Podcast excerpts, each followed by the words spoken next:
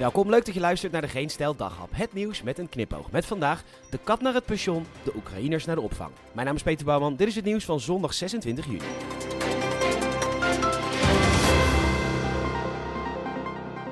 De kat gaat naar het pension, de Oekraïners naar de opvang. Deze kop komt letterlijk van Omroep Brabant. Want deugdelijk Nederland wil ook gewoon op vakantie kunnen. En die willen die Oekraïners dan niet thuis laten. Want vertrouwen is goed, deugen is beter. Maar je moet die mensen niet alleen thuis laten met je flatscreen TV, Apple computers en PlayStations 5.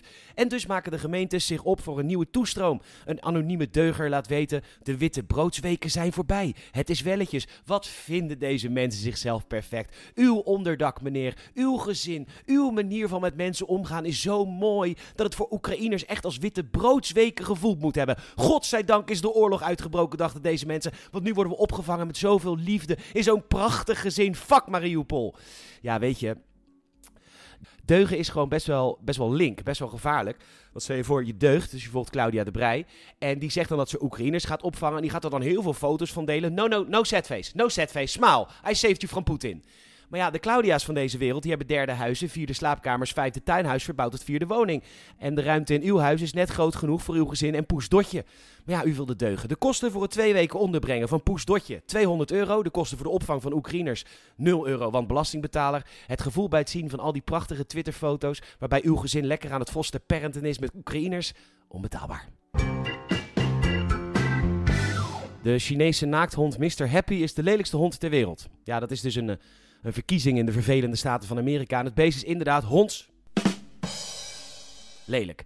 Thanks, zelf bedacht. Maar Mr. Happy is dus helemaal niet happy. Want het beest is mishandeld geweest door de vorige eigenaar. Heeft een luier nodig. Kan amper recht staan. En houdt zijn hoofd scheef, al dus de thee. En dus werd het beest niet uit zijn lijden verlost. Maar geadopteerd door een 41-jarig deugdmens uit Arizona. Ugh. En die zegt dat liefde, vriendelijkheid en kusjes van mama al die problemen overwint.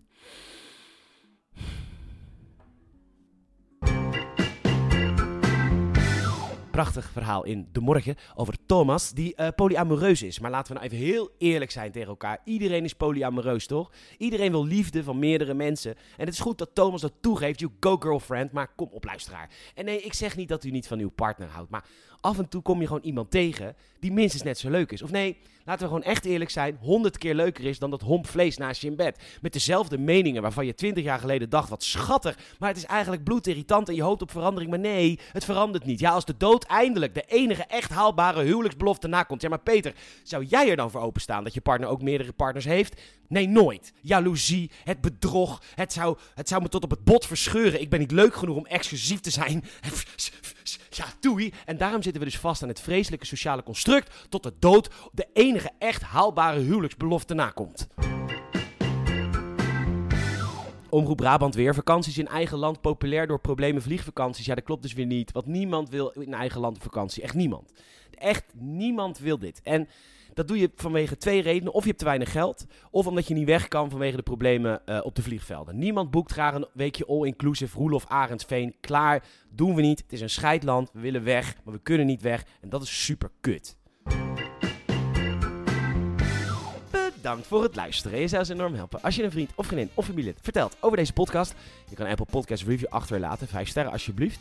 En dat kan ook via Spotify. Ik ben even twee dagjes weg. Ik ben er woensdag weer. Tot dan.